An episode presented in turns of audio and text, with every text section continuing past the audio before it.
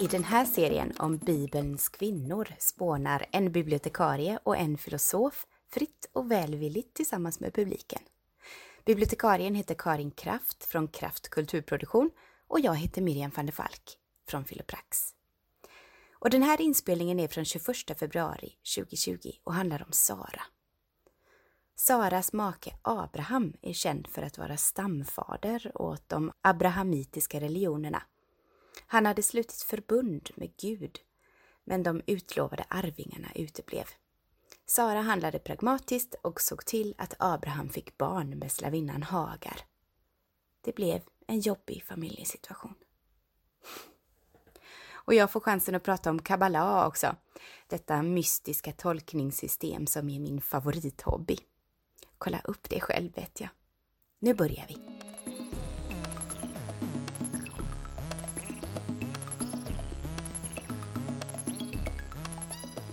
Jag kommer att titta på mobilen ibland bara för att hålla koll på tiden. Ja. För För vi pratar, kan prata länge. Alla kan prata länge om det. Men det, nu har vi sagt eh, att vi ska sluta om en och en halv timme så då får vi göra det. Ja. Precis. Det här är ju en serie. Bibelns kvinnor. Vi har pratat om Judit, Eva och nu är det Sara. Sen i slutet av eh, den här kvällen så kanske vi kan komma överens om vem vi ska ta nästa gång. Om ni har någon plötslig bra idé. Ja, Sara då. Ska jag säga, har du något eh, mer just nu eller ska jag sätta Nej, igång? nu ska du börja presentera Sara. Nu ska jag börja presentera Sara. Mm. Som man läser på Wikipedia om Sara så står det så här då. Född år 1958 efter skapelsen. Det är samma som ja, 1803 år före vår tideräkning. Hon föddes i Ur i Kaldeen i nuvarande Irak och är, dog eh, i, nära Kiryat Arba i Hebron och är begraven där i Makpela-grottan. Hon dog eh, när hon var 100, 127 år gammal. Hon är den enda kvinnan i Bibeln som har en exakt ålder vid något tillfälle överhuvudtaget. Hennes make var Abraham, övriga partners, det är så här Wikipedia beskriver alla människor. Övriga partners farao och Abimelech, kungen. Övrig släkt, ja hon har en son som heter Isak och en bonusson som heter Ismael. Hennes man Abraham är också hennes halvbror. Ja, Kan du upprepa när hon föddes? hon föddes eh, år, här är någon, nu måste vi gå och kolla om det är någon till. Abraham. Ja. Halvbror. De har samma pappa, Terach, men olika mammor. Eh, och det är bara Abrahams eh, mamma. Hon var nog Terachs riktiga fru så att säga. Hon är namngiven, men jag kommer inte ihåg vad det var hon hette nu. Eh, När ja. var det hon föddes? Sa du? 1958 efter skapelsen, efter år noll. Alltså när Gud skapade världen i Bibeln. Och det var för 5780 år sedan. Ja, det är den- den judiska tideräkningen. Ja, precis. Så detta var, det är samma som 1803 år före vår tidräkning då, före, före van, vanliga västerländska år noll. Mm. Så för 3803 år sedan, skulle vi säga. Nu kommer det två till här Ja. så småningom så jag kommer att springa bort dit igen. Okej, ja, Mm. spännande. Nu tänkte jag så här, att jag skulle börja med att sammanfatta Saras liv på alla, platt, alla stycken hon är med i Bibeln på tre minuter. Det är målet. Det börjar med Terach då, Abrahams far. När han var 70 år blev han far till Abram, Abram, Nahor och Haran. Precis. Haran blev far till Lot. Lot kommer vi ihåg, för det var han som berättelsen om Sodom och Gomorra. Det är s- nära släkt här. Mm. Abram och Nahor tog sig hustrur. Abrams hustru hette Sarai. Nahors hustru hette Milka, dotter till Haran. Väldigt mycket att man gifte sig med halvsyskon och eh, typ brorsöner och systerdöttrar och så vidare. Eh, yes. och sen plötsligt säger eh, Herren till Abram, lämna ditt land, din släkt och ditt hem och gå till det land som jag ska visa dig. Så det är här det sätter igång. Så då gör de tillsammans då, Abram och Sarai som de heter i det här läget. De bröt upp som Herren hade befallt. Lot följde med dem. Abram var 75 år när han lämnade Haran. Han tog med sig sin hustru eh, Sarai. Sarai var 10 år yngre än Abram. Så 65 och 75 var de när de bröt upp. Eh, redan här får vi en indikation om att eh, de gör inte saker som vi brukar göra i de åldrarna. Ja. Eh, så på vägen från Ur eh, så går de liksom på, från ert håll, alltså från Ur i ganska, ganska nära kusten, eh, Irak. Och närmre kusten vid den tiden. Nu har den kuststräckan liksom sjunkit bort lite. Så upp hela vägen så här till, eh, mot Syrien och Libanon och så ner mot eh, Kanaans land där. Västbanken, Hebron och Israel. Eh, men på väg dit stannar de på olika ställen. Abraham bygger ett altare åt Herren som hade uppenbarat sig för honom. Eh, viktig, viktigt i hans religiösa historia. Liksom. Men sen blir det hungersnöd och de måste bege sig till Egypten. Egypten i Bibeln, det är ett st- ställe där man beger sig när det är hungersnöd flera gånger. Man kan liksom klara sig eh, väl i Egypten. Det är lite ett rikedomens eh, land. Det kan gå väldigt väl men det kan också gå lite illa. Lite som Las Vegas. Eller något sånt där. Ja. Men de, det blir hungersnöd och de måste bege sig dit. Och nu kommer den första av en dubbletthistoria. För när de är nästan framme säger Abram till Sarai, du är ju en väldigt vacker kvinna. Eh, Egypterna kommer döda mig och ta dig till hustru om de, tror att, om de vet att vi är, är man och fru. Säg därför att du är min syster så kommer jag kunna överleva för din eh, skull. Och så blir det. De säger att de är syskon. Och då blir Sarai istället konkubin hos faraon.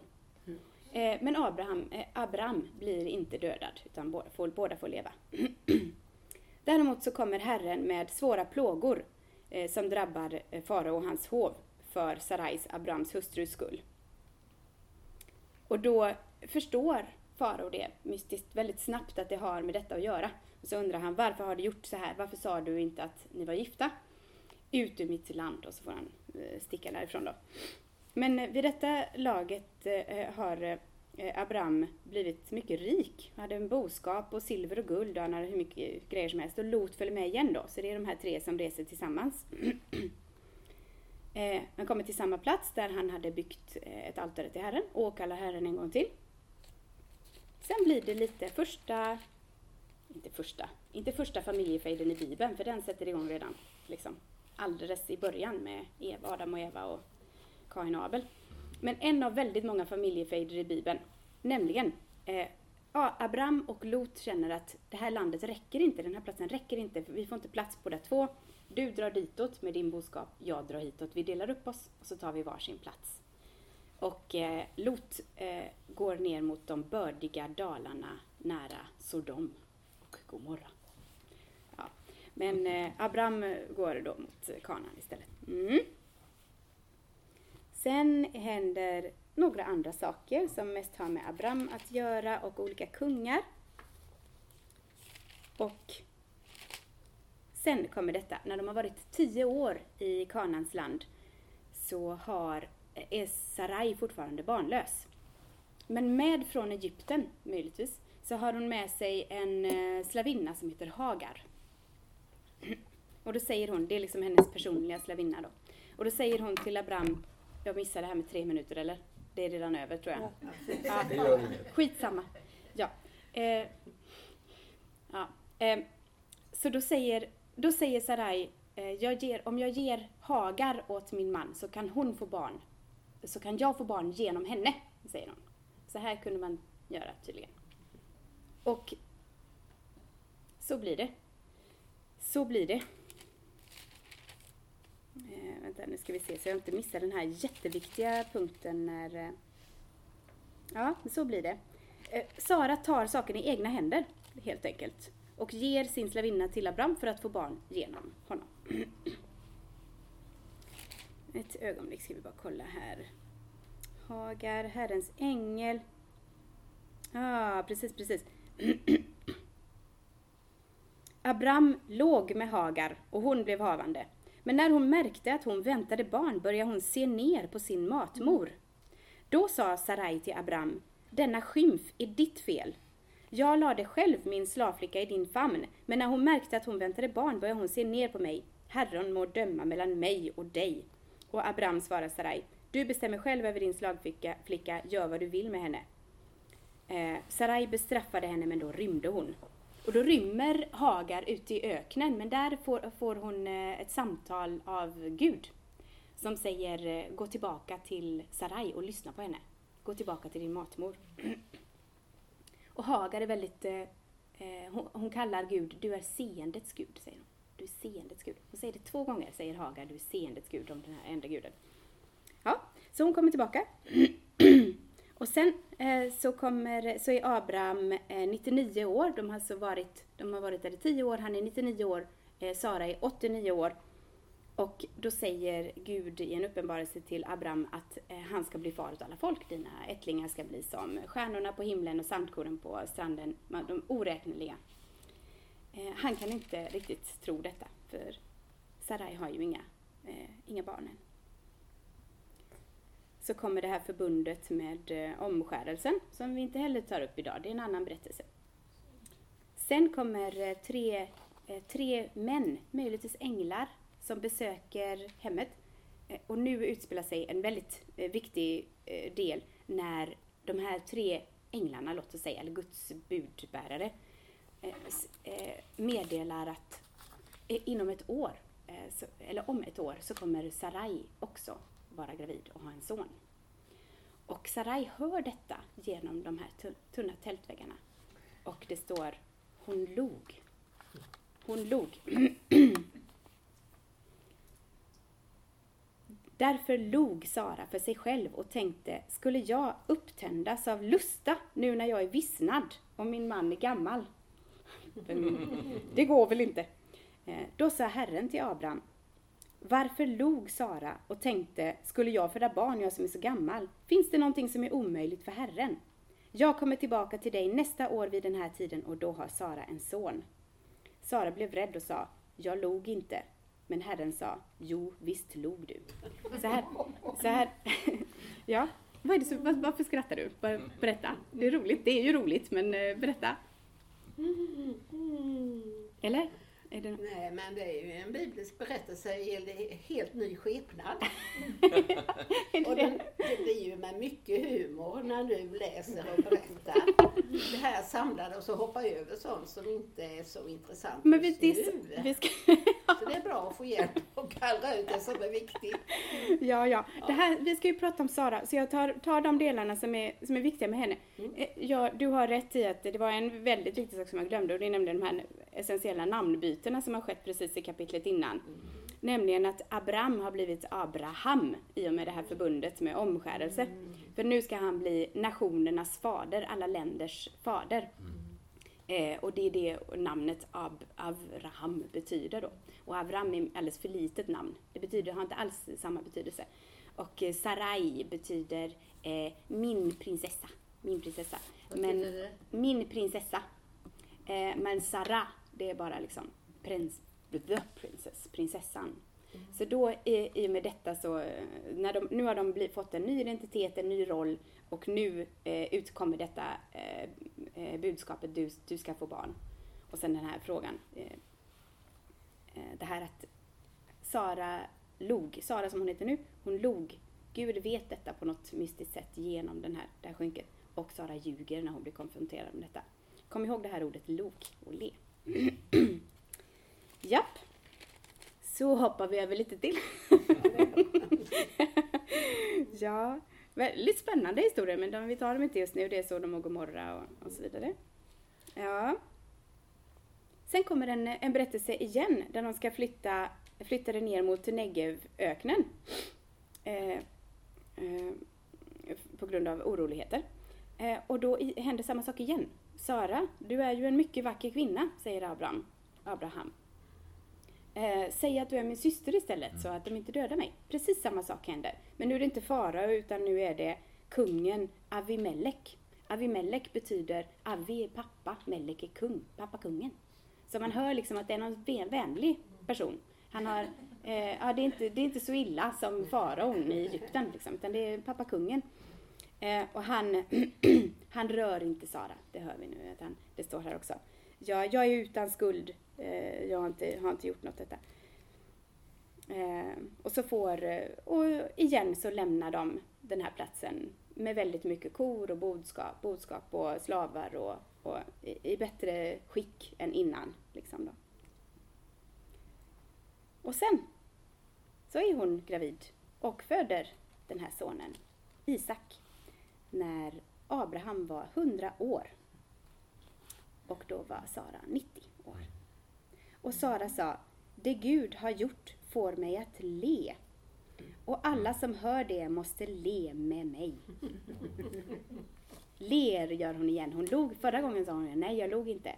Och Yitzhak, Matschik betyder rolig och Yitzhak betyder den som skrattar. Yitzhaka skratt. Vem hade kunnat säga Abraham att Sara skulle ha ett barn att amma? Detta berättar hon, säger hon själv då. Men nu har jag fött honom en son på hans ålderdom. Mm.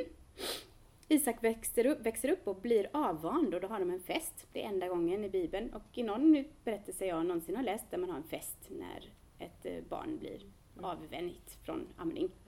Men det, det händer här i alla fall. Men nu har Sara blivit ännu eh, hon, hon ser i, hur brodern Ismael leker då. Han är som är tio år äldre än sin lillebror. Så du pratar lite, lite högre. Ja. Bra att du säger till. Jag tänkte att jag hade en riktigt stark stämma men jag ska försöka att ha ännu högre stämma. Ja, Är Ismael, är det Hagars? ja precis. Ismael är Hagars eh, son med Abraham. Så Abraham är pappa till både Ismael och, och Isak. Halvsyskon. De är halvsyskon, precis. Eh, och Ismael är eh, de arabiska folkens stamfader. Ja, precis. Och eh, Sara ser hur Ismael leker med sin lillebror. Jag ska se vad det var eh, precis. Ja, leker står det här också. När Sara såg hur den son som egyptiskan Hagar hade fött åt Abraham lekte med Isak sa hon till Abraham, driv bort den där slavinnan och hennes son. Slavinnans son ska inte ärva tillsammans med min son Isak. Spännande va? Abraham blev mycket illa till mods. Det gällde ju hans son. Men Gud sa till honom, var inte illa till mods för pojkens och slavinnans skull. Gör som Sara säger, ty det är Isaks ättlingar som ska föra ditt namn vidare. Men också slavinnans son ska jag göra till ett folk, eftersom han är ditt barn. Och Gud säger till Abraham, gör som Sara säger. Det är spännande, det pratar vi om senare. Mm. Gud öppnade hennes ögon igen, så det här seendets Gud när det hände med Sara eh, också. Ja. Och sen kommer vi till stycket när Abraham ska offra sin son Isak. Ja, ska offra, precis. Eh, precis. Då är Isak 37 år gammal. Ja. Är inte någon liten, litet barn, utan han är 37 år gammal.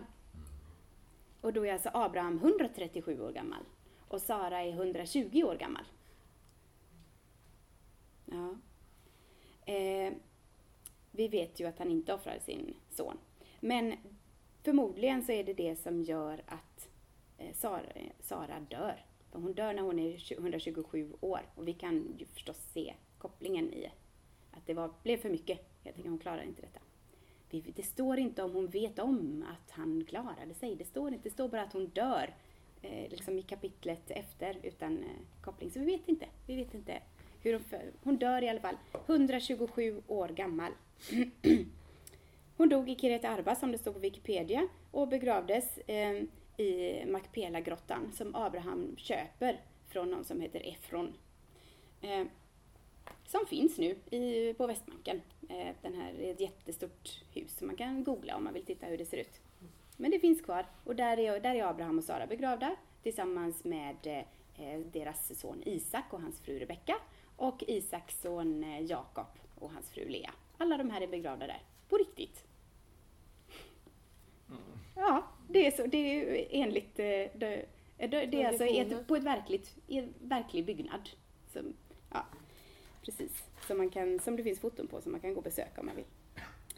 Ja, och det mest intressanta nu med det här kapitlet som handlar om Saras död är att eh, eh, i eh, här står det, de här överskrifter, det finns överskrifter, det här är Bibel 2000.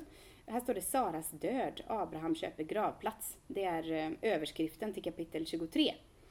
Men i den judiska traditionen så heter det här kapitlet inte alls Saras död, utan Saras liv.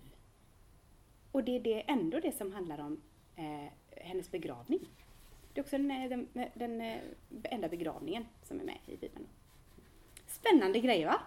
Så det här är Sara, eh, jag ska bara för skojs skull kolla att det tog 20 minuter. Ja, det var bra. Ja, Hur kommer det sig att vi Ja. kallar det för Saras liv och inte hennes död? ja du. Detta är ju väldigt spännande. Vad tror du? Jag tror att i judendomen så är livet det viktigaste, inte döden. Men Ja. Och det, jag har läst att eh, eh, en, riktig, en riktig vis, eh, vis persons eh, gärning liksom verklig, blir verk, förverkligas först efter deras död.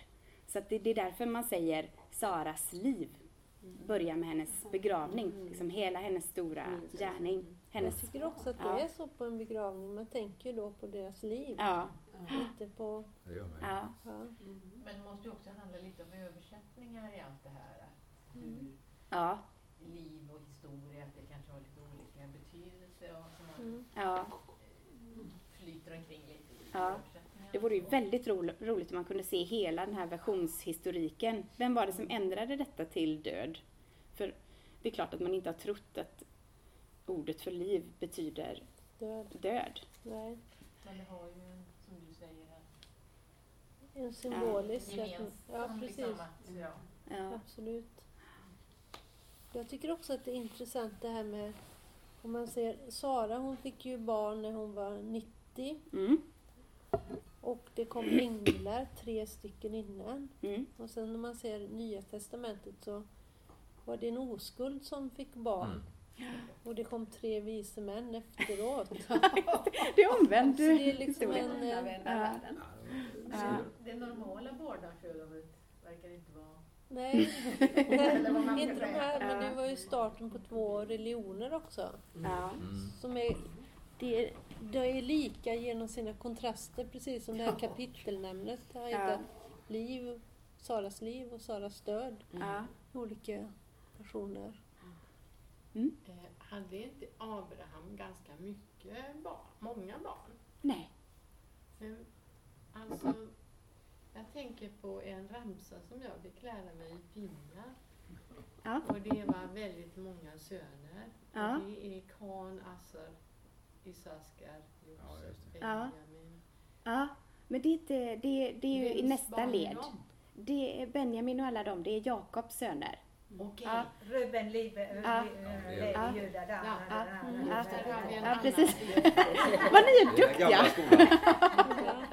Ja, ja. Jag har ju då en podcast som heter Filosofens bibel också, så vi har precis gått igenom det avsnittet nu när vi har pratat om alla de här sönerna.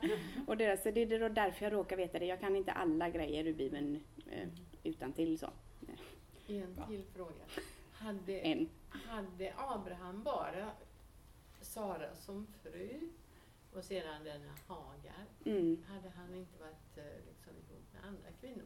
Nej. När, när Sara dör Skaffa mig sen ny. eh, det måste han väl ha gjort. Nej, jag vet Det gör man väl? Man är, Ja. Ja, men det finns hopp. Ja, jag hittar inte det precis, Nej. precis nu. Ja. men vad innebär äktenskapet kan man tänka? Det är inte riktigt samma som idag med Nej. tanke på att hon när de gick in där i Egypten då fick hon låtsas att hon var Ja, syster. ja, Och Haga var ju också, då fick hon ge sig till Abraham där. ja, Väldigt mycket Vad- ägande. ja. Väldigt mycket ägande. Väldigt mycket ägande och det det här eh, att det är hierarkiskt på alla möjliga plan. Sara bestämmer ju också. Nu ska du göra så här, Hagar. Och, Mm. och sen eh, nu, nu skickar jag bort dig och, och, och sådär. Ja. Vad tycker du är det allra mest spännande med den här berättelsen? Du som kommer från bibliotekarievärlden. Vad skulle en bibliotekarie reko- skulle du den här- rekommendera den här? jag Varför? tänker på att det är den här resan. Ja, När man läser romaner om så brukar man prata om utvecklingsromaner. Och Ja. Då brukar det börja är 20 kanske. Ja. Här börjar det lite senare. Ja, Men det är ändå en person som startar en helt ny religion. ja, Ja. ja, Och det är lite häftigt. Och sen den här gravplatsen, att den har en sån stor symbolik så att det blir liksom verkligt. ja. Mm. Och det här är, de, Abraham och Sara kommer ju från, eh, En politistisk religion. ja, de, de är ju de första som, eh, som eh, liksom, eh, man förstår ju att de är centralgestalter eh, i den här boken och i tre världsreligioner. För de är de första som säger det finns bara en eh, Mm. Gud och inte... Och det, det finns en sån här rabbinsk berättelse, med Midrash heter det, som handlar om att eh, Terach, deras pappa, var liksom, han jobbade i en affär som gjorde eh, avgudar, små idoler av trä eller keramik eller någonting sånt där. Eh, och att eh, Abraham en dag när, han, när pappan var bortrest så slår han sönder allihopa. Så kommer pappan tillbaka, vad har du gjort? Vad har du gjort? Och så, ja men kunde de inte ens hindra det? De här avgudarna. Vad, vad gör du med dem? Hur kan du tillbe någon som är så maktlös, som inte har någonting? Och det finns andra berättelser när det kommer in någon, någon kund som säger att vi har, jag, har haft, jag måste gå och köpa nya avgudar för mina har blivit stulna. och så, så säger Abraham, men vadå, ska du, kunde de inte ens hindra det om de inte ens kan skydda dig på, på natten? Vad ska du med dem liksom? Och detta för att, för att då visa att, eh, och, eh, att det inte, man inte kan lita på de här artefakterna, de här små världsliga grejerna. Kungen, kungen heter Nimrod eh, när Abraham eh, växer upp, eh, Abraham och Sara växer upp i, det, i detta landet. Ehm, eh, och det, det är konflikter där också såklart då. Eh, Abraham eh, hånar eh, Nimrod. Nimrod det säger att han är kung över eh, solen och månen och stjärnorna och sånt där. Då. Och Abraham säger men eh, då får du befalla solen och gå upp i väst istället för i öst. Eh, men det, det går ju inte heller. Eh, Och, så, och på detta viset så visar Abraham då med li- liksom sån här eh, listat. Jag måste Ja. fråga, alltså, Ismail, var det han som grund- grundade islam? Ja, det kan Men man... det islam, det kom ju mycket, mycket senare. Ja, Många men- tusen år senare ju. Ja, det var inte han som grundade islam utan han är, man säger att han är de arabiska folkens eh, fader. Ja. Aha. Men, Men- islam var ju Mohammed på Ja, ja, typ jag tänkte Men det. han- 1400-talet. Men i. Koranen är han Ja. väl ändå en profet? Ja, så han ja. räknas in Men i den Jesus är också en profet i Ja. Koranen så det finns Mm. jättemånga profeter. Men det är ju att man ja, brukar tänka så. Ja, ja precis men det är ju den, är ju lätt, lätt att se. Det finns en film som heter Harmonia, eh, en is- israelisk film som jag inte har sett men jag har hört talas om det. Eh, som, som är precis samma berättelse eh, fast i nutid och i en orkester eh, någonstans i Israel. Dirigenten och en cellist eh, och sen så någon, någon eh, de kan inte få barn och sen så en palestinsk violinist eller någonting sånt där då. Och så precis samma historia att det blir eh, två barn och så slutar den, spoiler alert, med att eh, barnen eh, förkastar alla sina föräldrar och skapar någonting nytt tillsammans istället. De här två sönerna.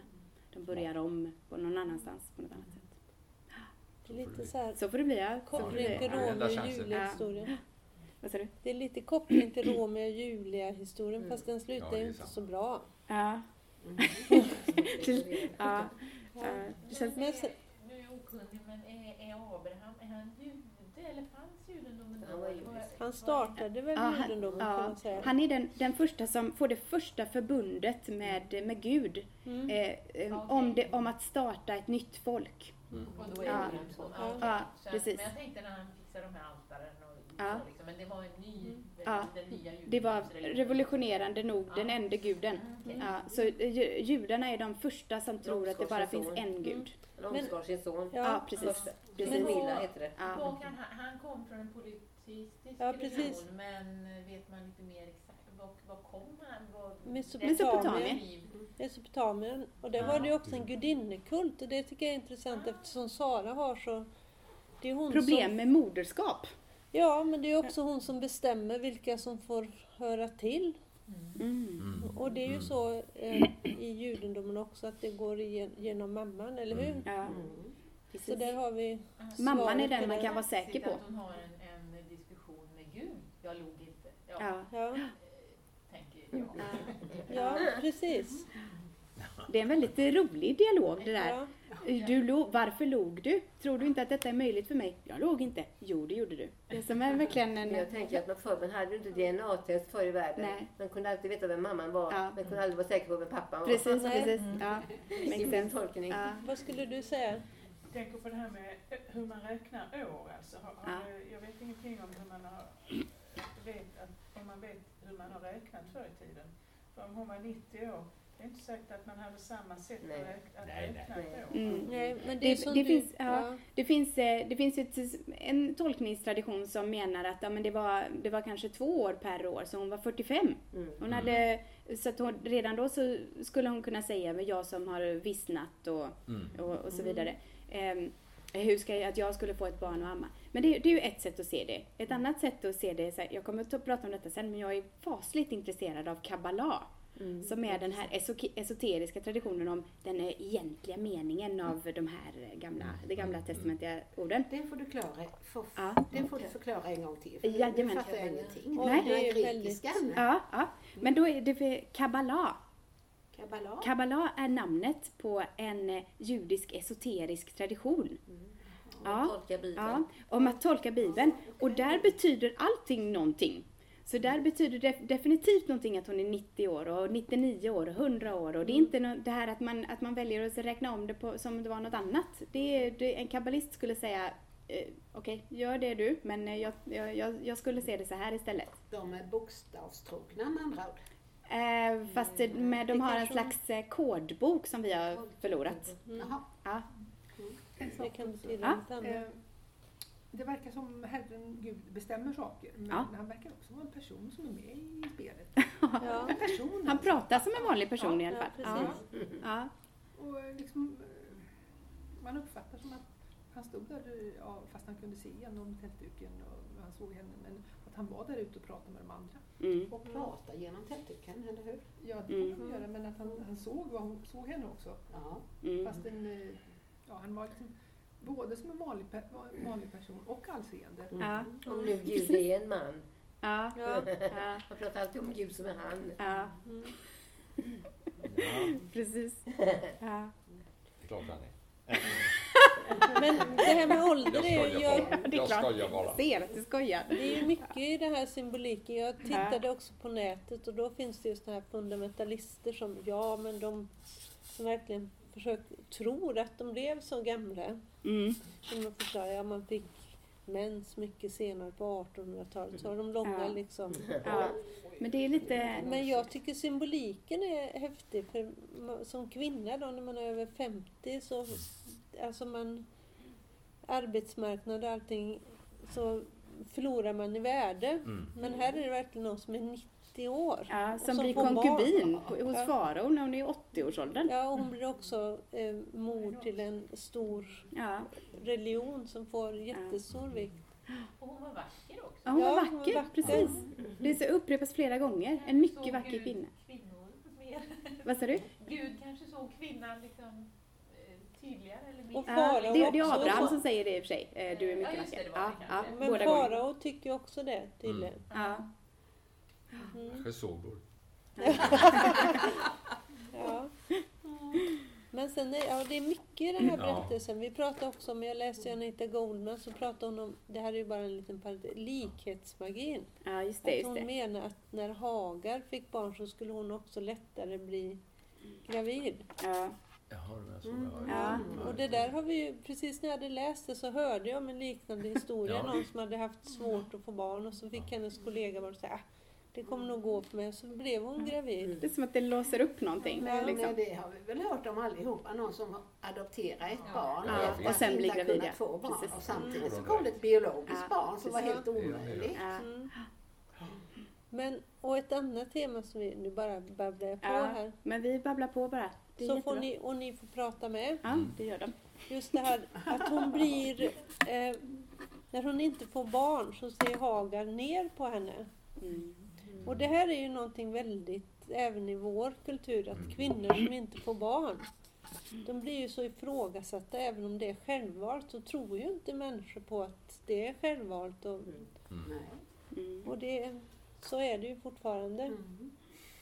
Ja, och i andra kulturer har man ju inte valet alltid utan där är det ju verkligen en katastrof om man inte får barn själv. ju. Ja, precis. Eh, Det verkar ju vara något som har hängt med. Ja. Ja, Men det är lite Men- häftigt att de skildrar det också, tycker Mm. jag.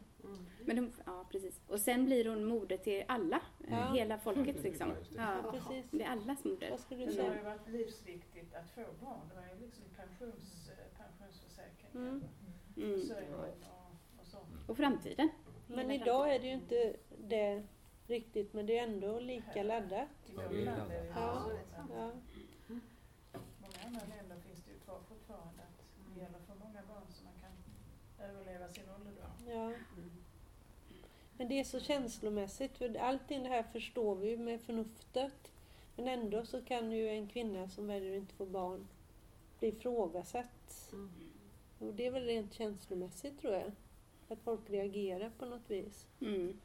Men det är ju så himla olika bland de här religiösa judiska människorna, chassiderna. Mm. De, de vill ju ha så många barn som möjligt. Ja. 11-12 barn, Ja. ingenting. Nej. Precis. ja, så många som möjligt ja. ja. Många överlevde ju inte. Många barn Nej, så var det ju. ja. Men idag gör de Eftersom ju vi det. har ju ingen, mission i vår religion. Vi ska föröka oss genom delning, brukar jag säga.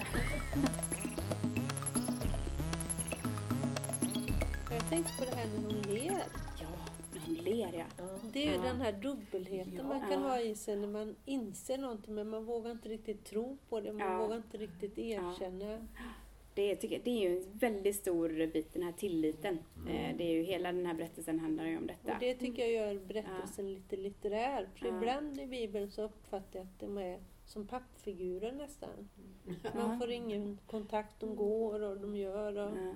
Men de är väldigt... Eh, eh, det, är inte, det är ju inte exemplariska individer Nej. i den här boken. Jag tycker det är så roligt att läsa detta. Men Men då- intressant är det så att man hade, man hade inte samma uppfattning om tid som vi har idag. Nej. kanske inte räknar åren alls som vi gör. Nej. Nej, Man kanske inte var 90 år. nej, Mm. nej, så kan det Och sen också att hon var faktiskt inte bara snäll. Nej. Alltså mot Hagar var hon ju... Ja. Hur förklarar man detta? Varför säger de skicka bort, skicka bort Hagar och hennes son i öknen? Och hur kunde hon komma på den här idén? Ja, det var väl ren avundsjuka Ja. helt enkelt. Och, hur, och detta, det är så intressant ändå, att det är liksom alldeles i början. vanligare att man hade slavar eller tjänare. Ja, ja. Det, det har vi ju inte i Sverige idag. Men Nej. Mm. att man, har, det är- man, man är ju i en maktposition mot sina Mm. tjänare. Det Ja. Ett helt annat sätt. ju. Men Jo, hon har ju precis sagt eh, eh, att eh, Hagar ska, jag ska få barn genom Hagar. Mm. Men det är ju, hon har ju en maktposition där. Ja. Att hon kan ge sin Mm. Och Ismael är ju ändå hans förstfödde son. Ja, Och det är ju också väldigt symboliskt. I... ja. Det är svårt inte att prata, berätta, förstå. Hans äktfödde. Nej. Nej, inte inom äktenskapet nej. Att- Men han ändå, Att man inte tänkte samma kanske om... eh, I och med att hon ägde ja. Hagar så var det ändå... Men då Ja. skulle det inte vara så laddat, tänker jag, att hon behövde skicka bort honom. Mm. Mm. Hagar vågade ju också visa sina känslor. Hon tittade ju ner på henne, Ja. säger man, Ja. för att hon var barn. Ja. Liksom, att hon liksom inte bara var... Hon var inte någon kuvad slav direkt. Nej. Eller hur? Men, men det fick hon väl ett övertag då, helt Ja. enkelt. Ja. Hon var slav, sen så bar hon Saras mans barn. Ja. Mm. Ja, men jag kan gissa att Sara kanske inte hade räknat med det när hon Nej. gav sin slav att plötsligen Saras, eller betjänt eller vad det var, att hon, Hagar fick ju luft under vingarna där för att, Mm. att föda barn är ju ändå någon slags makt. ja, ja, precis. Hon hade inte räknat med Eh, det. Det är ju både en del saker där som känns som att det kanske är en annan tid men att reproduktionen är ju ändå fortfarande helig. Ja. Mm. Och Men Sara hade inte räknat med att få ett eget barn. Nej. När hon hade en egen son som vars eh, arvsrätt hon ville hävda så blev saken helt annorlunda. Mm. Mm. Men jag tycker att de här, alltså i den här berättelsen, de som är med, de blir så väldigt levande. Håller ni med om det? Mm. Ja, visst. Det är inte som Eva och Adam precis. Nej. Nej. Nej. det var, nej, de var inte lika levande. Men det, det ehm, ja. jag, ty- jag, jag tänker också på den här berättelsen, att de måste, det här nödvändiga uttåget. Liksom. Att man måste bort från eh, eh, man måste förändras. Man måste förändras. Det känns lite som en, en sån här, det säger också den här berättelsen. Du måste göra, göra upp med det gamla. Du måste gå till ett land som Gud visar. Mm. Liksom. Och det eh, ja, känns som ett väldigt, eh, väldigt stort meddelande till alla oss. Men nu är jag ju väldigt kabbalah-influerad. Det är kanske lika bra jag kommer till det här nu. Eh, min, mitt kabbalahstycke. Jag har gjort en fri översättning, ganska kort bara, en och en halv sida här. Från en bok, eh, en kabbalahbok som finns att ladda ner från kabbalah.info. Eh, som handlar om Abraham och Sara och vad det egentligen betyder. Så ordet kabbalah betyder att ta emot eller emottagen visdom. Så förra, förra gången när vi pratade om Eva så hade jag en annan eh, kabbalahbit och då sa jag, det, det jag läste då var att eh, någonting i stil med eh, Kom ihåg att alla dessa berättelser handlar om dig, om dig, om dig. De utspelar sig inom dig. Alla, alla personer i Bibeln, alla berättelser eh, är delar av dig. Vad inom dig är Noak? Vad är arken? Vad är alla djur? Till exempel. Vad är detta? Ehm, så det, det, är, eh, det är grunden då. Så men nu börjar jag. Abraham betyder avsikten att hysa, att härbärgera. Sara betyder lusten att ta emot. När dessa gifter sig skapas förutsättning för verklig lycka. Kom ihåg att allt detta handlar om dig. Det utspelar sig inom dig. Sara är din inre Sara, oavsett om du är man eller kvinna. Hon symboliserar din längtan att ta emot. Utan rätta avsikter tjänar hon bara det destruktiva egot. Men gift med avsikten att härbärgera ljuset blir hon en stark profet. Starkare än de flesta. För hon har förmågan att förmedla, att göra sig förstådd. Abraham föds inom dig. Det går inte att fullända sig själv utan dramatiska förändringar. Revolution, metamorfos. Din Abraham förgör din Nimrod. När allt du brukade bry dig om blivit meningslöst. När gnistan släckts. Då tänds stjärnan ovanför dig. Hur, sa du. Bara genom att placera dem i mörker. Skydda dem från omvärldens hån och hat, konsumtion, baktankar, exploatering. Gör dig en grotta alltså. Sök böcker som beskriver den andliga världen. Sök vänner som också vill hitta dit. Det är din grotta. Mörkret är livsviktigt för, väx för växande. Fröet i jorden. Ur Nimrod reser sig Terach. Ur Terach Abraham. Kom ihåg Noaks ark. Det var också en grotta. Den viktigaste insikten du får är att egoism i sig själv inte är något dåligt. Om den används för din egen nytta, ja. Men för andra, då ser du den inte längre som ond. Ömsa ditt gamla skinn och gör ditt ego konstruktivt och njut av dess konstruktiva natur istället. Så, vad har ändrats? Din avsikt, intention. Detta gör avsikten som kallas Abraham. Den visar en väg till lycka. Lusten att ta emot Sara, det är liksom livet självt då. Utan den så är man död. Fint va? Ja, jag blir alldeles som... Att jag, kan inte, jag kan inte läsa de här berättelserna utan att ha detta i eh, det här kabbalistiska i, i bakhuvudet hela tiden. Och det här... eh, Abraham betyder ju då... Abram eh, betyder bara... Mm, vad var det det betydde? Ah, Bram eller någon sån här Vram. Det är en plats. Det är bara någon som kommer därifrån. Eller något sånt där. Och Avraham är då alla nationer, alla länders fader. Eh, eh, och alla länder, länder i, i, när man läser med den kabbalistiska kodboken så man förstår vad ordet land betyder, så är det intentioner. Och de intentioner som är, riktar sig till eh, eh, Gud, vägen till Gud. Eh, om man skriver direkt till Gud, raka vägen till Gud med hebreiska bokstäver, så här, baklänges så här, så blir det eh, och så, så blir det Yashar L.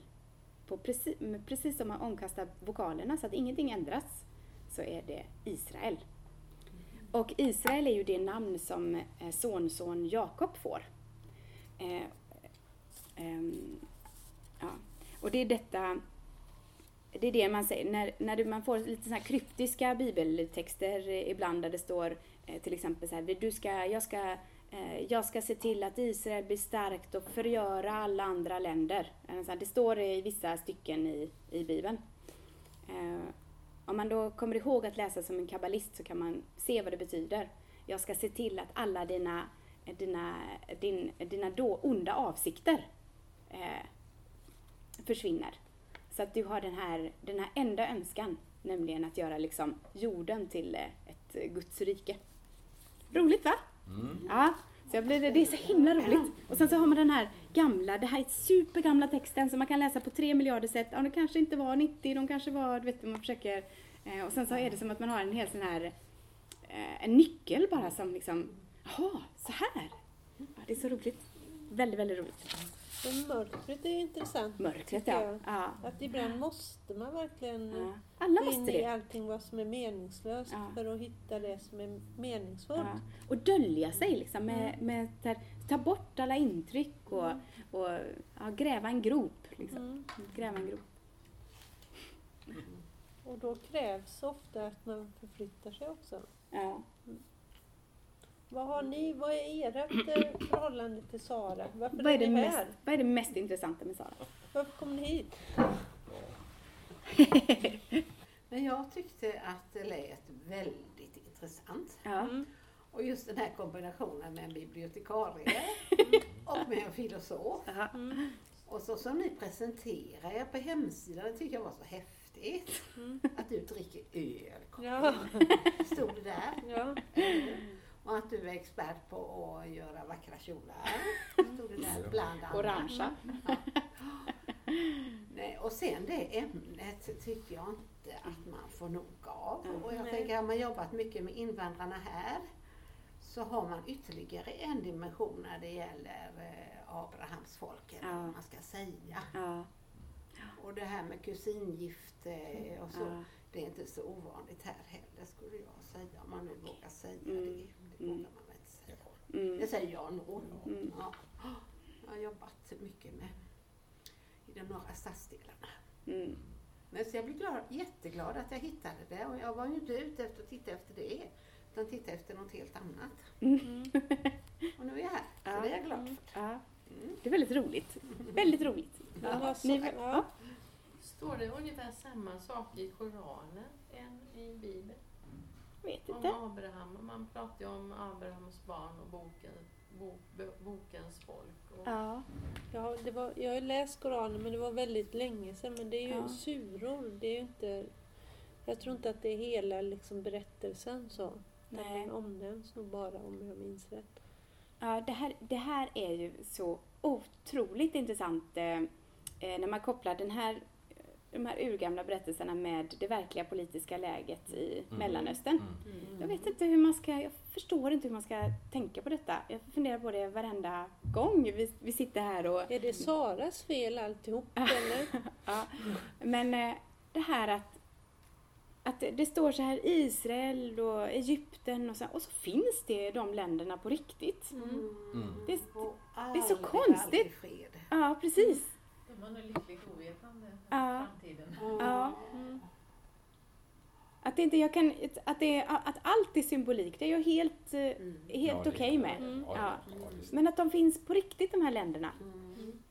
Och att... eh, Ja, precis. Så för muslimerna så är Ismael naturligtvis den mest Intressant. viktiga. Ja, och, då, och, det, eh, och muslimska pojkar döps, eh, inte döps, men namnges Ismael och, Mm. Och sådär. Mm. Och sen, eh, jag vet inte, det är så himla, det blir en sån galen... Men jag funderar på verkligt. hur stor inverkan har den här berättelsetraditionen på läget? Ja, Vad skulle Stor. hända om man tog bort berättelserna? Ja, det går ju inte. Nej. vi är ju så formade utav dem.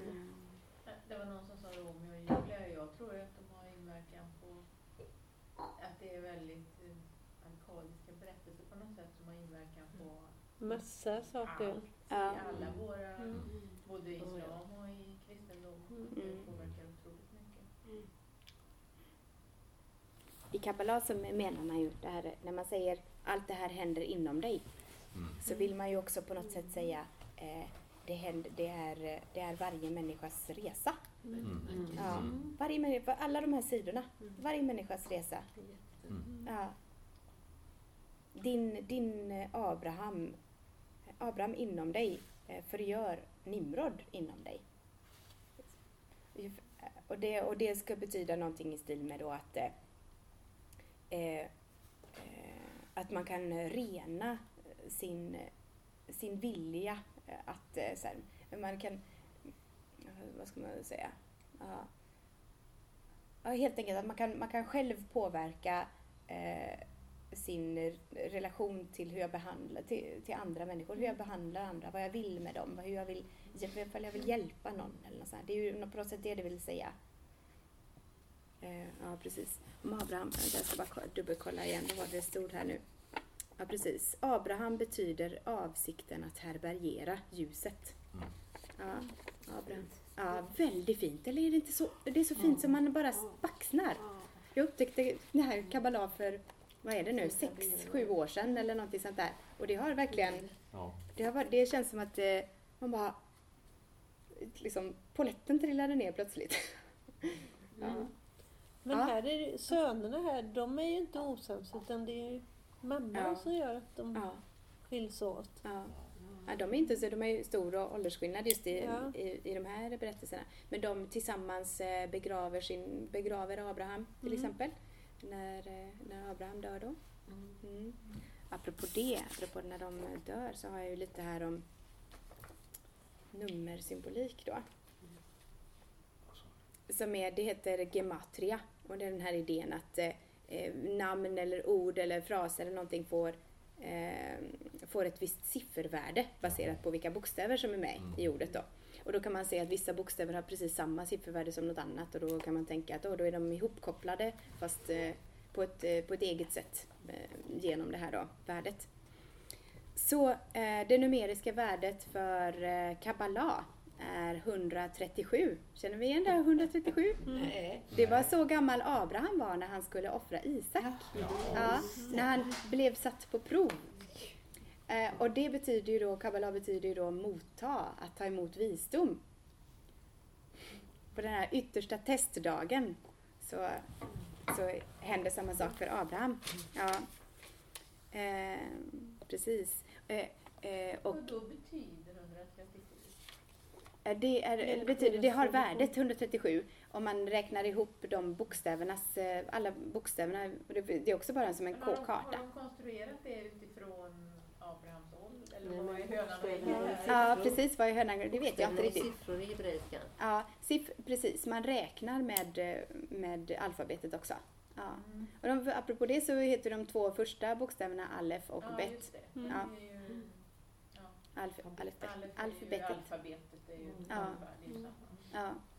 Så de har, eh, alltså liksom bokstaven alef har ett visst värde och bet har ett visst värde. Och, och det, då är det de första, de går här från 1 till 10 och sen så är det eh, något med 10, 20, 30, 40, 50 och sen så är det 100, 200, 300, 400, 500 på. Eh, Det kan man också kolla på Wikipedia, vad det är för någonting. Så, ja. Men där 137 verkar vara lite viktigt i alla fall. Men eh, så Sara är ju 127 när hon dör. Så Mm. vad är det här extra 10? Vad är det då? Så börjar- Så här läser jag hela tiden. Vad är det? Varför står det 127? Varför är det 127? Vad betyder det? Googlar jag. Vad är betydelsen av 127? För jag är lite, lite knäpp helt enkelt. Ja, 100, så var andra saker som är 137 då. Det var Kabbala, det var den åldern Abraham var när eh, han skulle, han fick order av Gud att offra sin, sin ende äktenlingsson. Det 137 är också så gammal som Ismael blev, oäktlingen. Ja. Moses pappa blev också 137 år. Det är väldigt roligt. Ja. Så, då, så det här kabbalistiskt sett har jag skrivit här är eh, eh, siffran 137 symbolisk för fasen mellan ljuset och kärlet som tar emot ljuset då. Den här, precis, precis den här stunden mittemellan kan man ju tänka sig Abraham när han får det här uppdraget av Gud att offra sin son. Och, bara, och, så, och sen så slipper han liksom. Precis i den här, när ljuset eh, når källan liksom. Det här, Men det här- där när han ska offra sin son, det har jag väldigt svårt för. vad tycker du? Jag tycker det är jättelätt att förstå. Nej, Nej. jag skojar bara. Tycker inte. Ja, nej. Nej. det är ju ett... eh, Nu, är- Varför? Ja, varför, varför? Mm. Ska vi ta det nästa gång? Ja. Ja, det kanske vi får ta.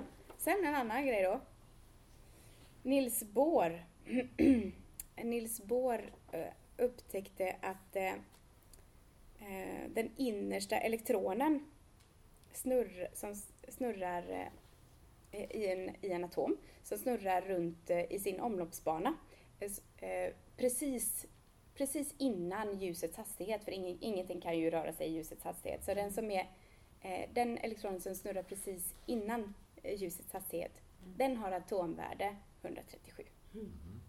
Är det inte roligt? Ja, så här kan man hålla på hur länge som helst och hitta alla möjliga mystiska kopplingar. Ja, Eh, Den här kabbala, s- eh, du kanske sa det, men hur, hur när tillkom den? Så, typ samtidigt. Det har varit en sån här parallell historia. som Ja. Gamla testamentet alltså? Mm. Och sen så finns det, eh, det finns olika traditioner som förklarar vad, eh, vi- vilka liksom centrala texter som är kabbalistiska texter. Eh, och då kan man säga att det finns till exempel en, en bok som heter eh, Zohar som, som tillkom på 1200-talet. Eh, och då kan man, om man googlar detta och hittar någon viss sida som säger Kabbala grundades på 1200-talet i Spanien så är det någon som, som menar att det inte fanns innan den boken tillkom.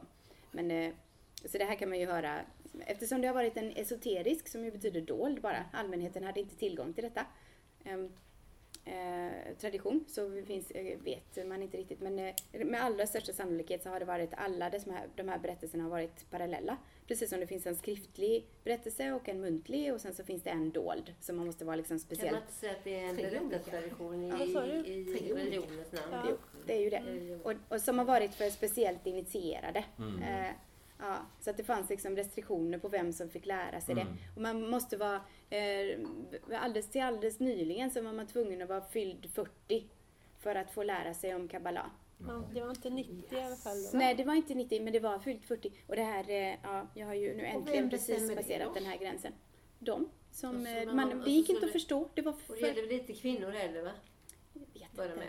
Ja, nej jag vet inte. förvånad. Jag tänkte jag har bara 40, inte kvinna. Vad sa du? Jag, Ja. blev lite, jag tänkte att jag har, det var bara 40, det var inte kvinna som Ja. var gränsen då. Men- Liksom. Det, det, är nu, det, finns, no, det finns en jätteberömd, vad heter han nu? Ari. Arb, Ari, vänta. Moses de Leon. Vet du vem det är? Nej? Leon. Ja, det är någon, någon sån här känd, en känd kabbalist på 1500-talet. Han har i alla fall, eh, hade tre döttrar, inga söner. Och de tre döttrarna var alla väldigt duktiga inom detta. Så, så det var nog, och de kabbalistiska, berättelserna är också alltid väldigt, väldigt noga med, att, precis som jag läste nu, att understryka detta om att eh, det händer inom dig. Du har, oavsett om du är man eller kvinna så är det de här aspekterna av dig. Och eh, i Kabbala så är ju Gud inte heller bara en man utan det finns en kvinnlig aspekt som heter Shechina till exempel. Så det här Som är heter vad? Shechina. Shechina. Sechina. Ja, Shechina. Ja. Så det är den eh, Guds eh, kvinnliga aspekt. Så det här, man kan ju också förstå att eh, den har behövt vara dold. För att så som världen har sett ut så himla länge. Släppa sånt här. Ja, Ja, ja, alla religioner har ju Nu har någon du slått mystik. undan benen på sionisterna. ja. Va? På sionisterna. Ja, Varför det? de bygger ju hela det att de, de, det är deras land. Ja. Det här är, på det här. här jag kan inte komma runt det här att det Nej. landet finns på riktigt. Nej, det, nej, nej. Men, eh, men de, de, eh, Ja, de tog namnet. ja. Och det, ja, jag fattar inte riktigt detta. Alltså, hur, man Nej, det är svårt. hur det hänger ihop. Ja. men jag säger till om jag kommer på det. Du kan ju mejla mig om du kommer på. Nej, jag kommer inte på det, men jag bara så här, om de, jag, jag, jag, jag var inte beläst allt detta. Nej. Jag hade ingen aning om det med kabanar. Det här hade jag ingen aning om. Det är ju jättespännande. Det är jättespännande, ja. Ja. ja. De här tråkiga berättelserna liksom. Som inte är tråkiga alls. Som är bara... Du får leta ja. upp det här. Jag, var gammal. jag, jag är ju konfirmerad någon gång. Men alla religioner har ju någon sån Ja. esoterisk Ja. hemlig lära. Ja. Så det är ju Ja. intressant. Jag tycker det var Mm. superintressant. Ja. alltså. Ja. Ja. Men att jag har nog kanske lite mer en antropologisk tolkning. Ja. Ja. ja, men det kan man ha. Mm. Jag, jag har inte heller någon koll egentligen på Bibeln, men det, det hörs ju som att de är boskapsskötare. Ja. Ja. Eh, och då tänker jag att jordarna blir stora och att man delar på sig och Ja, blir invikt i absolut. att vandra. Ja. Mm. Och sen just när det gäller kabbalan så tänker jag att är det någonting som vi är väldigt duktiga på vi människor så är det ju att hitta mönster där Mm. det kanske inte finns mönster. Vem är det som bestämmer att det inte finns? Är det du då Eh, eller? Ja, eh, inte just när det gäller kabbalan men jag tänker med att man hittar tecken och att man hittar Ja. konstruktioner. Det kan man ju se i liksom, politik idag eller vad som helst. Ja. Att vi är väldigt bra på det. Ja. Sen Precis. innebär, innebär inte det att det inte finns eh, massa tänkvärt i det också. Ja. Men, men vi är kanske bra på att dra det lite för långt. tänker jag. Ja, ja. Man kanske ska sluta dra det... Nej, dra det långt det är liksom mitt mellannamn. Eh, Dra det ännu längre. Mer, längre, längre, längre. Det är så. Så håller jag på. Mm. man Ja. provar saker. Ja, det är det bästa jag vet ju. Men Så, ju- Som en filosof så måste man ju hela tiden Ja. fortsätta. Varför, Mm. varför, varför? Ja. Ja. Men det är ju att du menar att man har så här, det är samma som att man har en teoretisk modell för hur någonting är. Så man går efter lite, kan man säga. Eller hur tänker du? Hur jag tänker? Ja, en förklaringsmodell helt enkelt. Nej, har det- men jag, jag tyckte nog, jag tänkte nog snarare att det, blir, att det, blir, det kan slå över så att det blir konspiratoriskt Mm. liksom, att man ser Hitlers födelseår var och då hände, och ja men ni vet Ja. vad det är, Ja, jag är ja, absolut. sådana. Ja. Men att, det, alltså, att, man, att man letar mönster som människa, för vi Mm, har ja, det i våra hjärnor Ja. på något Mm. sätt så. Mm. Att det kan bli lite tokigt Ja. också. Ja.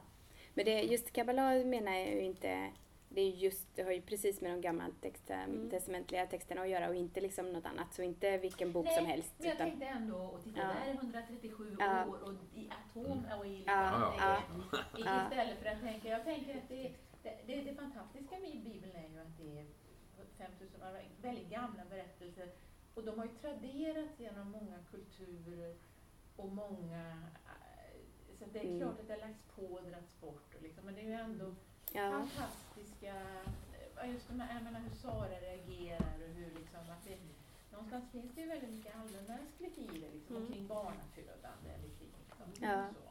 Så det är liksom, den, den ena, det ena eh, stråket det är att vi, vi, eh, vi har en förmåga att hitta mönster som inget annat djur har. Och det andra är väl då att vi psykologiserar varandra. Typ, du gjorde så för att du, du vet, eh, du, egentligen så är det bara för att din relation med din eh, mamma, eh, den har gjort att du har börjat se de här sakerna. Så det här är, det är jättesvårt att veta, hitta sanningen. Det är ju det som är liksom kruxet. Men, men eh, den eh, bästa vägen som jag har kommit på hittills det är ju att man bara fortsätter eh, fråga och fortsätter undersöka och liksom knacka sönder grejer och säga "Det funkar det om jag gör så här? Liksom, håller den här teorin fortfarande? Ding, ding, Ja. ding. Ja, och det som står kvar sen. Och sen Det- så kan ja. det ju vara så här att en gång, det pratade vi om innan, en Mm. gång när man läser texten så är det, det Ja. en sak som är Ja. sant och nästa gång är det någonting Ja. annat. Så Det är ju- precis, så när man säger så här, det handlar om dig, det handlar Ja. om dig. Mm. Så är det den här, vad är, vad är detta för dig eh, nu? Mm. Liksom. Vad, Jag- vad, vad händer med din Sara just eh, Mm. idag? Hur, hur mår hon? Hur Ja. gammal är hon?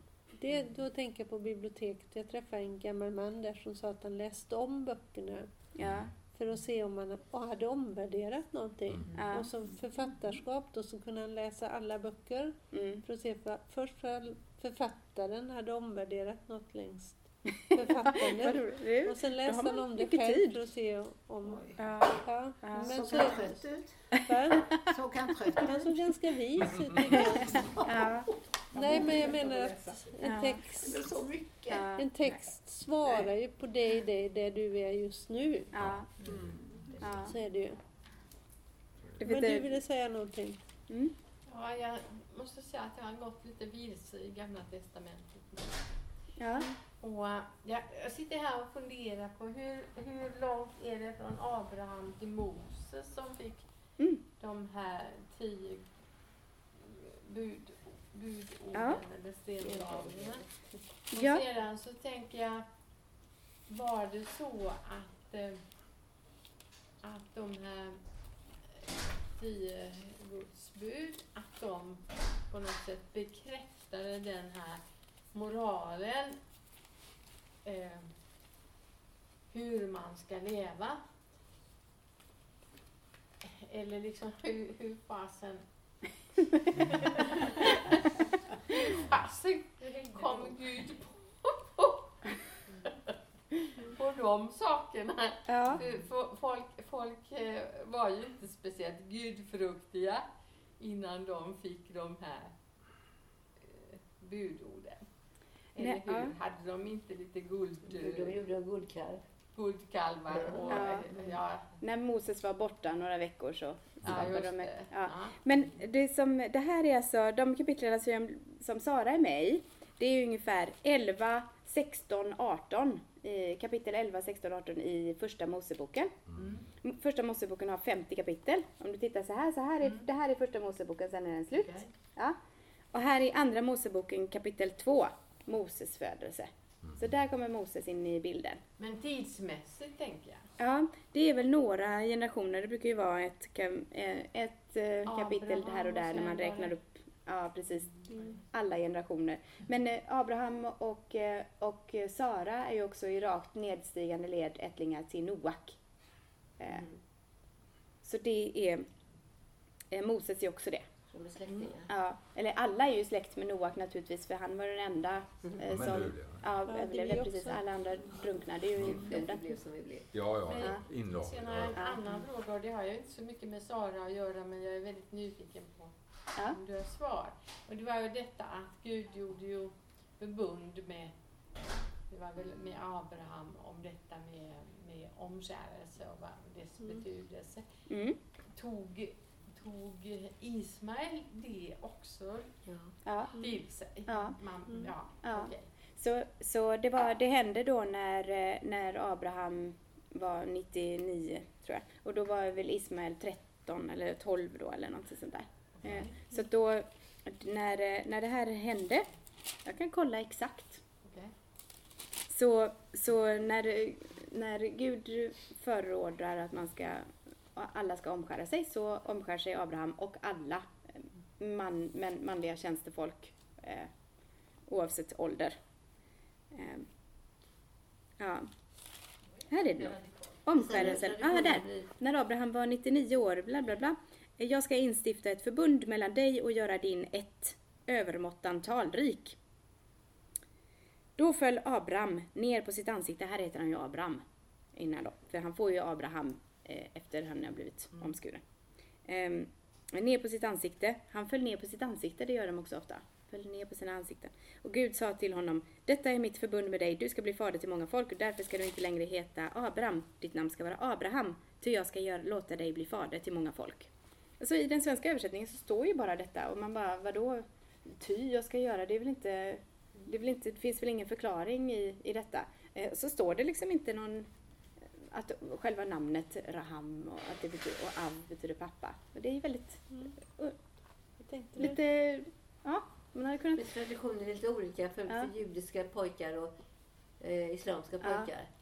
På, på judiska pojkar får omskär på femte dagen eller någonting. åttonde. Och Ja. åttonde. Ja. Och de islamska de gör man när de är tonåringar. Ja, precis. Så precis så enligt den här berättelsen då, när de är 12 då. Som, eller vad han nu var. Ja. Det är en tolkning från Jag ska upprätta mitt förbund, ett eget evigt förbund. Jag ska vara din Gud och dina ättlingars Gud. Eh, och du ska hålla mitt förbund på detta sättet. Ni ska låta omskära alla av manligt kön. Ni ska skära bort förhuden och detta ska vara tecknet på förbundet mellan mig och er. Alla av manligt kön bland er ska omskäras när de är åtta dagar gamla i släktled efter släktled Också slavar som är födda hos dig och slavar som du har köpt av någon utlänning, sådana som inte är av din släkt. De ska omskäras. Både slavar som är födda hos dig och slavar som du har köpt. Jag upprepar lite grann där, så att man förstår på riktigt. Så ska ni ha mitt förbund på er kropp som ett evigt förbund. eh, Gud sa till Abraham, din hustru Sarai ska du inte mer kalla Sarai, hon ska heta Sara. Jag ska välsigna henne, du ska låta henne skänka dig en son. Jag ska välsigna henne så att folk och kungar ska härstamma från henne. Och då föll Abraham ner på sitt ansikte igen. Men han log igen Igen. och tänkte, inte kan man bli far när man är hundra år gammal och inte kan Sara föda barn, hon som är 90 år. Och Abraham sa till Gud, måtte Ismael få leva i ditt hägn. Men Gud sa, din hustru Sara ska verkligen föda en son och du ska ge honom namnet Isak. Mm, mm, mm.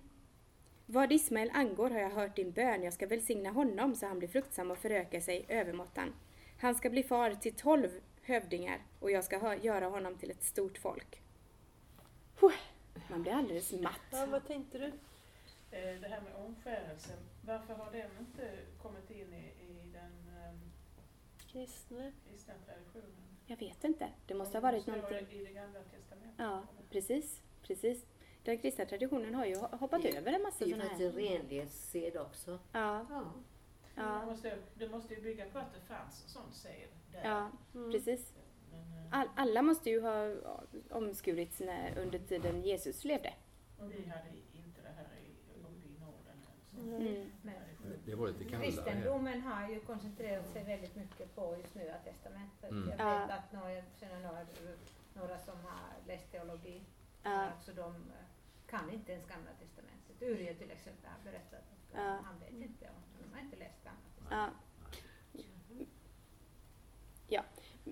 Det kan ju också vara att man bara bestämde det. De hade ju flera möten så här år 300, Nicea, när man beslutade. Annars tänker jag att kristendomen är ju att man har lagt julen någonstans där det ändå var en hednisk högtid. och Ja. Att på samma sätt så, som du sa så är det säkert med omskärelse och så. Att man by, alltså, ingenting kommer ju Nej, precis. precis, det-.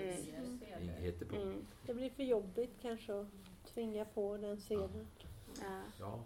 Det står ju också, det står också här att eh, när, de ska, när Abraham ska eh, skriva kontrakt med några så, här, så stå, står det så här. Eh, ja, så gör vi. Sätt din hand mellan mina lår. Så beslutar vi detta. Så det här liksom, eh, på något sätt det här allra mest sköra området. Ska man, det, man gör så här så vet man att nu har vi skakat hand på det eller något sånt där. Det är smart. Ja. Så det står så. Det är väldigt, väldigt spännande. Det är väldigt spännande att det är just Du den kroppsdelen och inte liksom jag. örat eller något. va? skriva kontrakt alltså. Ja, ja. Sätt din hand mellan mina lår. Ja. Det har ju tur att man inte gör så nu. I, I den engelska rättsskipningen så man, när man ska svära ed så säger man I hereby testify. Mm. Och testify kommer från testiklarna. Mm. Så där är de också liksom... Mm. Han har svär för sina testiklar. Han. Ja, jag är väldigt glad att du berättade. Vi- Ja. Alltså, det det kan- är så nyttigt då med. att Men det är väl- kolla att andra också är omskuren. Ja, Ja, fast det var ju mygg... ja, ja, jag vet inte vad de hade på sig för kläder. Ja, ja. Alltså finns det någon annanstans i världen, andra kulturer som har omskärelse? Det, ja, det är typ en tredjedel av världens män är omskurna. Nej men jag tänkte andra kulturer i världen. Ja, Asien, ja. Så, indianerna, alltså ja. så om det är en tredjedel så vet jag inte. Eller då borde det vara, är det, det kanske bara är judar och muslimer. det Ja. Ja, och någon mer tror jag. Ja. Men en tredjedel det är måste mer vara då. mer då. Det måste vara mer då. Ja, så, det, så svaret måste vara ja. Nej, där finns det inte. Ja, Nej, det katolska finns inte. Nej. Omskärelse. Nej. Nej, nej. det är en Det kristen. muslimerna. Är det bara amerikaner som Ja. Ja, ja. Det är, omskär det sig det av... det renlighetsgrej. Ja, vad tycker ni? Är det någon som vill Ja, lägga det till någonting? Ja. Vem ska vi ta nästa gång? Testify. Ja, vem Jag som är ogudaktig behöver inte bestämma något. Vilka kvinnor finns det? Det var gamla testamentet. Nej, ja. Nej. Gärna, för att eh, så kan jag läsa någon kabbala-grej. Ja. Kabbala är inte med i... Ja. Men eh, det behöver inte alla. Hade du någon särskild från nya som du var jag tänkte på den här eh, kvinnan som Jesus sägs ha haft. Maria. Magdalena? Nej, det var hans mamma ju. Maria Magdalena Det finns flera. Maria. Jag hör inte vad du säger. Eh, Den här kvinnan som Jesus sägs ha eh, haft som Ja. Mm. kvinna. Ja. Jag tänker också Ja. på hon som är med på kryporna som var Adams första hustru Lillit är jag lite intresserad av. Ja, just det. Mm. Men hon är ju Lilith. inte med alls. Men, Nej. Är, är hon inte med i... hon är väl med i Apokryferna. Ja. Hon är också en väldigt eh, gammal mytisk Ja. eh, person som eh, skulle kunna vara ormen. Mm. Ja. Mm, väldigt precis. Det är ju bara en riktig sån här... Ja. finns det väl väldigt mycket om, Ja, det fanns mycket mer matriarkat, Ja. kvinnogudar och sånt Ja. redigeringsprocessen alltså. Ja. Det är intressant. Det pratade vi om förra gången. Mycket Ja. om det här. Ja. ja, det finns ju ett par att välja mellan i alla fall. Rebecka kanske. Vi kanske tar dem i ordning. Mm. Ja, Mm. Ja. ja. Eller Vilka har ni haft redan? Ehm, Judit och Eva. Ja. Vi började med Judit. Plötsligt det, vi- det finns andra, Rut och Ester, de är ju spännande. De är Ja. mycket längre historier. Eh, ja det, det blir en annan sorts, så får vi lägga upp det på ett lite annat sätt. Ja, precis. Ja. Ja. Mycket bra, mycket bra. Då tackar vi så hemskt mycket för den här fantastiska samtalet. Bibelns kvinnor på Göteborgs litteraturhus var det alltså. En bibliotekarie och en filosof som pratar ihop sig tillsammans med publiken. Och vi är snart tillbaka. Information kommer du att se på göteborgslitteraturhus.se, filoprax.se eller Facebook filoprax. Vi ses och hörs!